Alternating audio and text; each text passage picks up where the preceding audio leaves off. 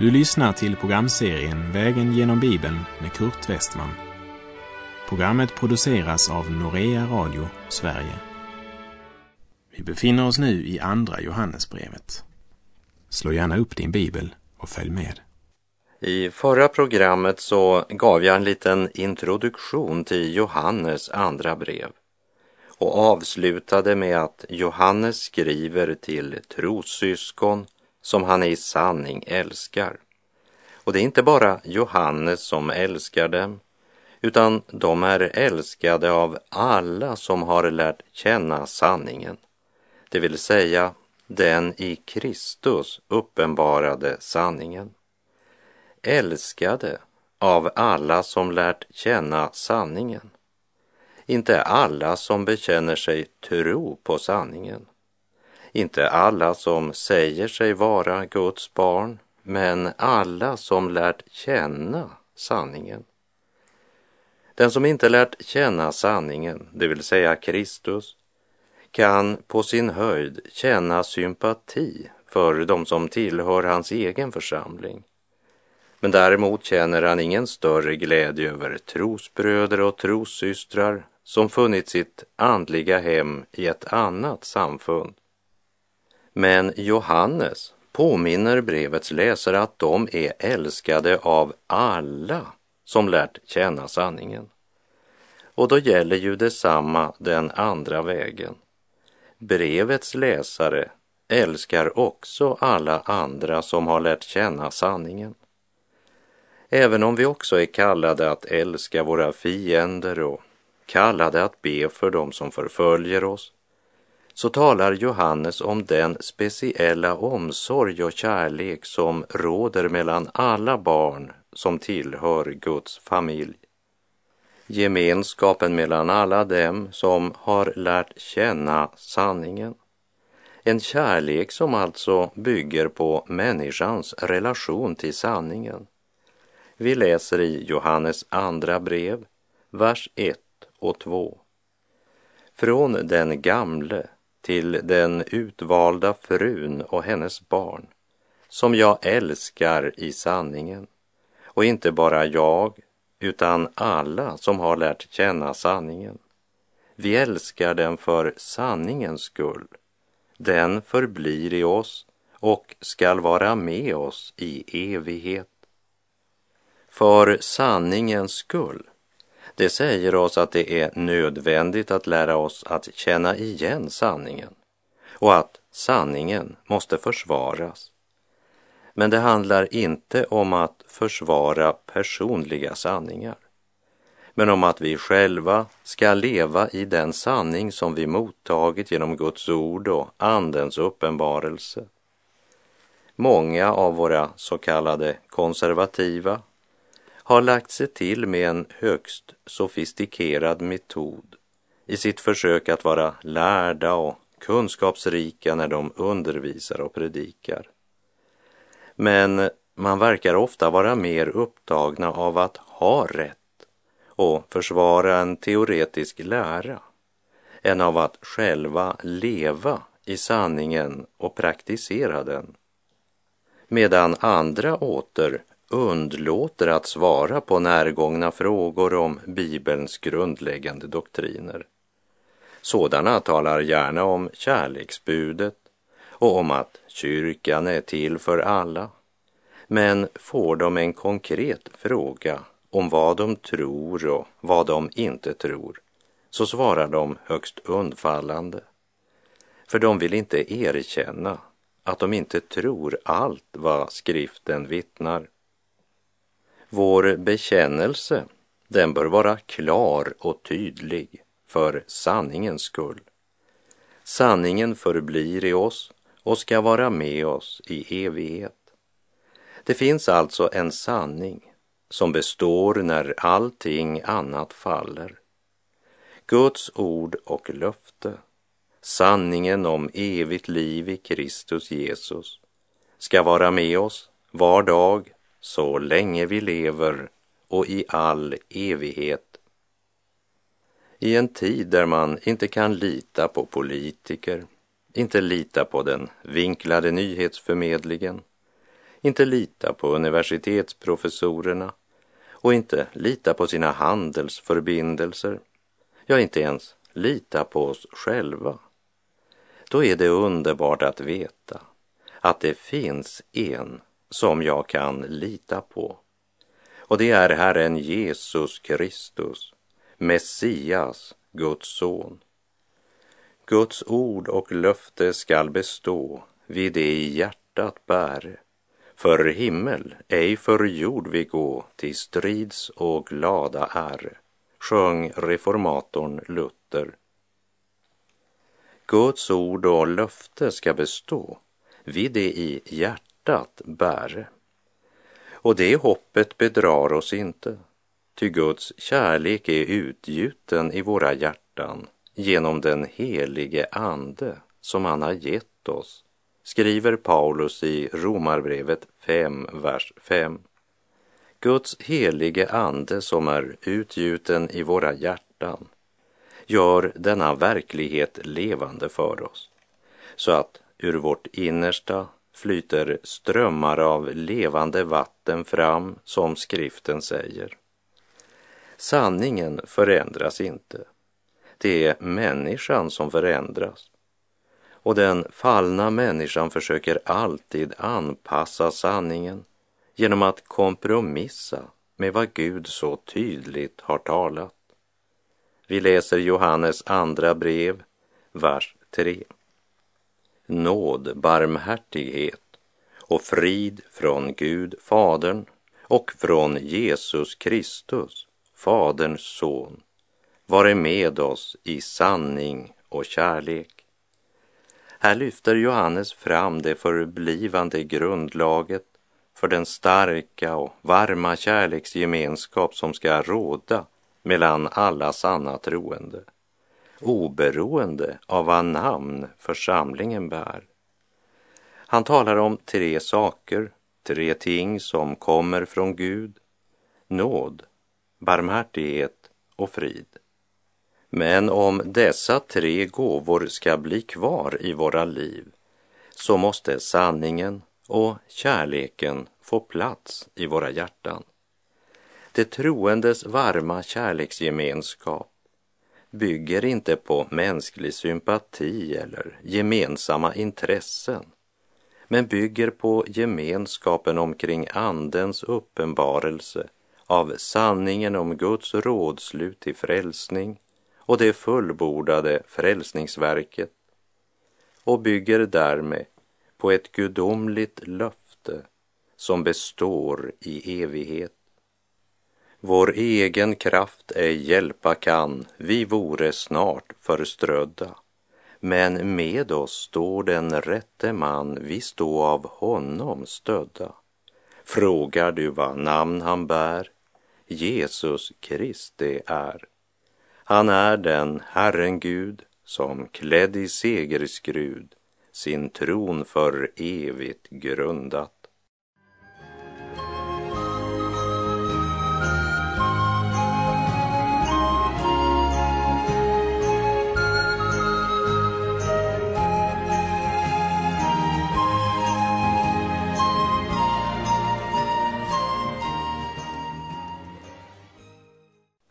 Vad är skillnaden mellan Guds kärlek, Guds barmhärtighet och Guds nåd?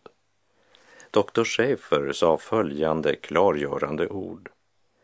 Nåd å andra sidan är det i Gud som i rätt tid förser den syndiga människan med allt vad hon behöver.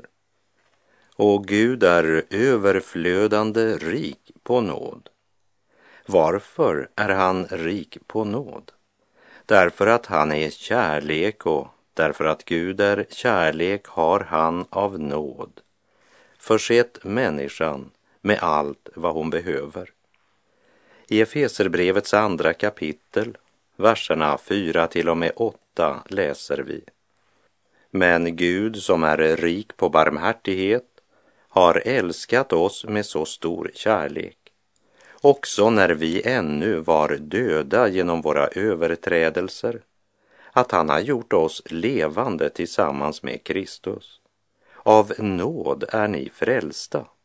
Ja, han har uppväckt oss med honom och satt oss med honom i den himmelska världen i Kristus Jesus för att i kommande tider visa sin överväldigande rika nåd genom godhet mot oss i Kristus Jesus.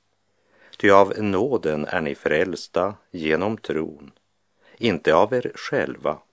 Guds gåva är det, inte på grund av gärningar, för att ingen skall berömma sig.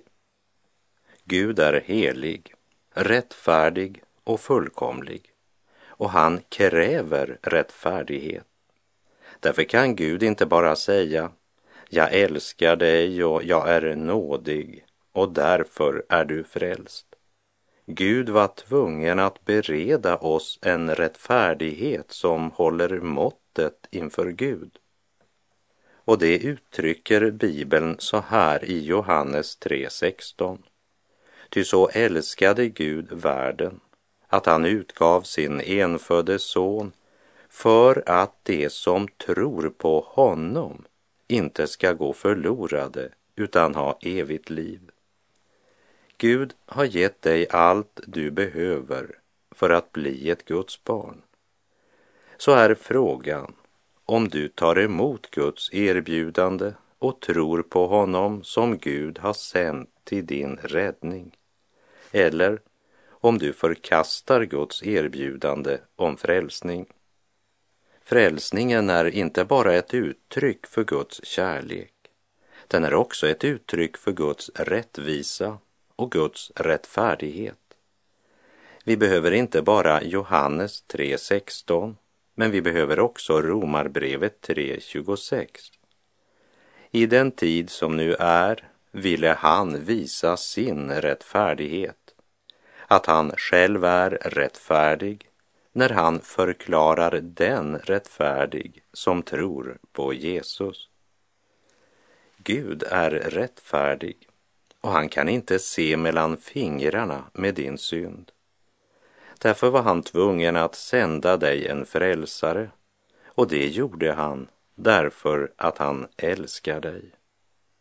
Därför kan Johannes också skriva nåd vare med dig. Det är det sätt på vilket Gud skänker dig frälsning. Barmhärtigheten ställde frälsaren till ditt förfogande. Och när du i tro tar emot allt detta, då ska Guds frid, som övergår allt förstånd, bevara ditt hjärta och dina tankar i Kristus Jesus som det står i Filipperbrevet 4, vers 7. Det är viktigt att förstå att dessa stora och eviga sanningar är något som Gud inte kommer att förändra. Han kommer inte att förändra mening imorgon och säga jag kommer från och med nu att handla annorlunda eftersom den allmänna opinionen har svängt så kommer jag att ändra mening. Här kommer jag att tänka på en bonde som hade en vindflöjel på sin ladugård på vilken det stod Gud är kärlek. En pastor som besökte honom såg vindflöjeln och sa Menar du att Guds kärlek är lika omskiftande som en vindflöjel? Nej, sa bonden, det betyder vilket håll det än blåser ifrån så är Gud kärlek. Nåd, barmhärtighet och frid från Gud, Fadern och från Jesus Kristus, Faderns son, vare med oss i sanning och kärlek, säger aposteln Johannes. I sanning och kärlek. Kom ihåg att kärleken måste praktiseras innanför den ram som heter sanningen, liksom sanningen alltid måste proklameras med kärleken som drivkraft. Därför skriver också Paulus i Efeserbrevets fjärde kapitel, vers 14 och 15. Vi ska då inte längre vara barn som kastas hit och dit av vågorna och som förs bort av varje vindkast i läran när människorna bedriver sitt falska spel och i sin list förleder till villfarelse. Vi skall istället i kärlek hålla fast vid sanningen och i allt växa upp till honom som är huvudet, nämligen Kristus. Vi läser Johannes andra brev, vers 4. Det gladde mig mycket att bland dina barn finnas sådana som lever i sanningen så som Fadern har befallt oss. Sådana som lever i sanningen. Det talar om livet i vardagen. Det talar om trons konsekvens i en bekännares liv. Samtidigt talar det också om bekännelsen eftersom läran är viktig. Men det hjälper inte hur rätt vår bekännelse är om vi inte i våra vardagsliv praktiserar den tro vi bekänner oss till. Så som Fadern har befallt oss. Vad är det Fadern befallt? Jo, att vi skulle vandra i ljuset, vandra i lydnad inför Herrens heliga vilja, vara ordets hörare och ordets görare. I Johannes evangeliets fjortonde kapitel, vers 15 säger Jesus Om ni älskar mig kommer ni att hålla mina bud. Och i Johannes 13.35 säger Jesus Alla ska förstå att ni är mina lärjungar om ni visar varandra kärlek. Johannes säger att det är det bud vi har haft från början. Och med början menar Johannes Kristi verksamhet efter att han kom till jord i mänsklig gestalt.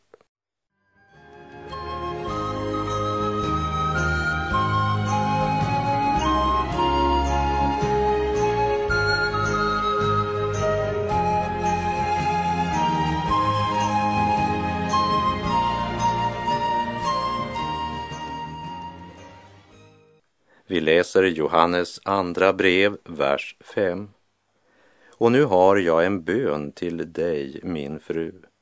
Det är inte något nytt bud jag här ger dig, utan det som vi har haft från början. Jag ber, låt oss älska varandra. Vi ska ha klart för oss att i det här sammanhanget så är det kärleken till våra trossyskon Johannes talar om. Och han säger vandra i sanningen och älska varandra.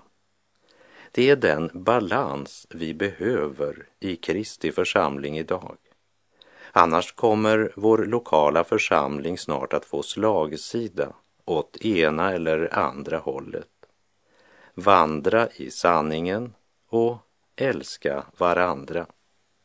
Vi kan bli översentimentala i församlingen det förekommer mycken andlig stollighet och sentimental sliskighet där man hävdar Oh, vad vi älskar varandra. Vi har agape-kärleken och mycket annat i den riktningen.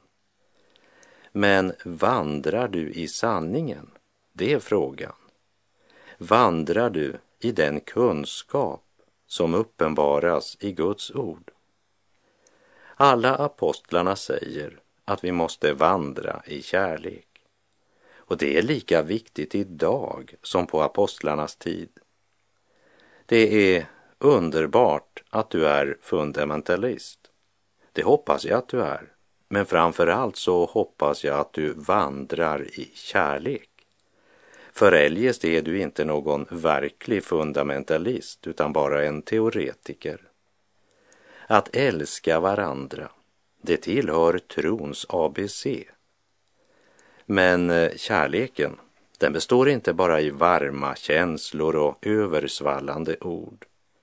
Kärleken manifesteras i våra liv på så sätt att vi vandrar efter Herrens heliga bud. Och denna kärlek står alltid i ett närt förhållande till sanningen. Vi skall i kärlek hålla fast vid sanningen och i allt växa upp till honom som är huvudet, nämligen Kristus. Vi läser Johannes andra brev, vers 6. Ja, detta är kärleken, att vi lever efter hans bud. Detta är det bud ni har hört från början, att ni ska leva i kärleken. Vad är kärlek? Det är att hålla Herrens bud. Någon har sagt att kärleken växer inte fram i sällskapsrummet, men i köket. Kärleken växer inte fram i sovrummet, men i tvättstugan. Och är den äkta fyller den alla rum. Kärleken har inga tomrum. Kärleken är personifierad i Kristus, han som fyller allt i alla. Och av hans fullhet har vi alla fått nåd utöver nåd. Kärleken, det är det sätt på vilket läran om Kristus kommer till uttryck i vardagen. Och det sker aldrig på bekostnad av sanningen. Liksom sanningen aldrig är verksam på bekostnad av kärleken. Därför ska vi i kärlek hålla fast vid sanningen och i allt växa upp till honom som är huvudet, nämligen Kristus. Här testas både vårt förhållande till sanningen och till kärleken. När kärleken och sanningen får leva tillsammans i våra hjärtan växer vi allt närmare Kristus. Vi läser Johannes andra brev, vers 7 och 8. Ty många bedragare har gått ut i världen, sådana som inte vill erkänna att Jesus Kristus har kommit i mänsklig gestalt. Där har ni bedragaren, Antikrist. Se till att ni inte förlorar det ni har arbetat för utan får full lön. Stryk ett tjockt streck under ordet många. Många bedragare har gått ut i världen. Det är fara på färde i Guds församling. Och orden inte vill erkänna talar om att undanhålla eller förtiga en del av sanningen. Och på Johannes tid var det ju bland annat gnosticismen som var på stark frammarsch, precis som i våra dagar.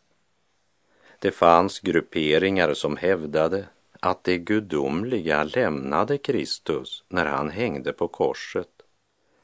Det handlar om ett lärosystem som är helt väsensskilt från Kristi sanna evangelium. Sedan florerade också olika judiska sekter som adopterade vissa delar av den kristna läran, men i en förvriden form som fördunklade Kristi försoningsgärning. Liksom det idag finns grupper som hävdar att Jesus inte hade en dödlig kropp, vilket innebär att om han inte frivilligt valt att dö på korset så hade han varit cirka 2000 år idag.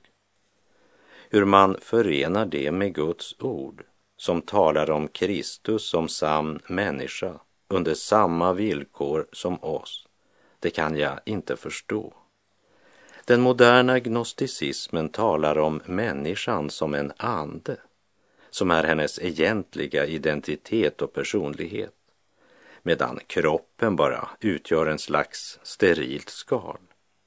Dessa hävdar också ofta att anden är helt väsensskild från själen och kroppen. Man talar då gärna om att människan är en ande som har en själ och bor i en kropp.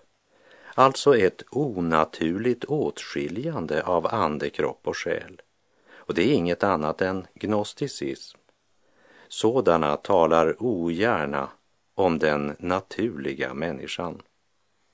Eftersom den naturliga människan eller kött inte passar in i ett lärosystem som endast ser människan antingen som ond och djävulsk eller gudomlig. många bedragare har gått ut i världen, säger Johannes. Och de går sällan till direkt angrepp på själva Kristusdogmen eftersom de vet hur centralt den står i Kristi församling. Sådana som inte vill erkänna att Jesus Kristus har kommit i mänsklig gestalt.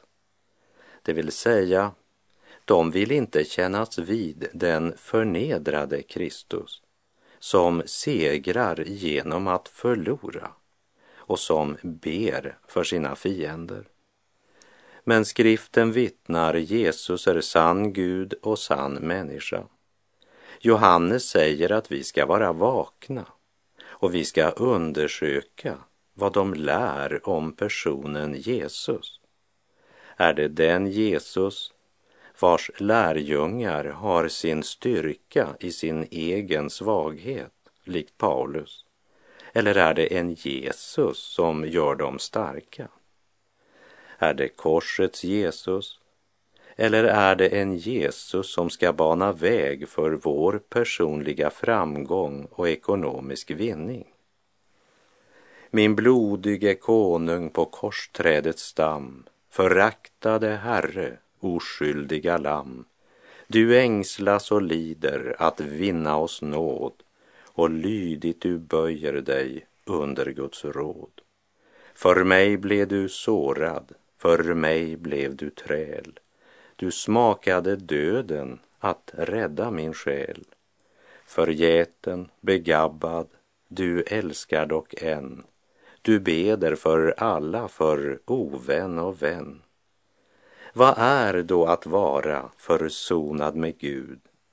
Det är att han tystat förbannelsens ljud. Vad är då att vara upprättad igen?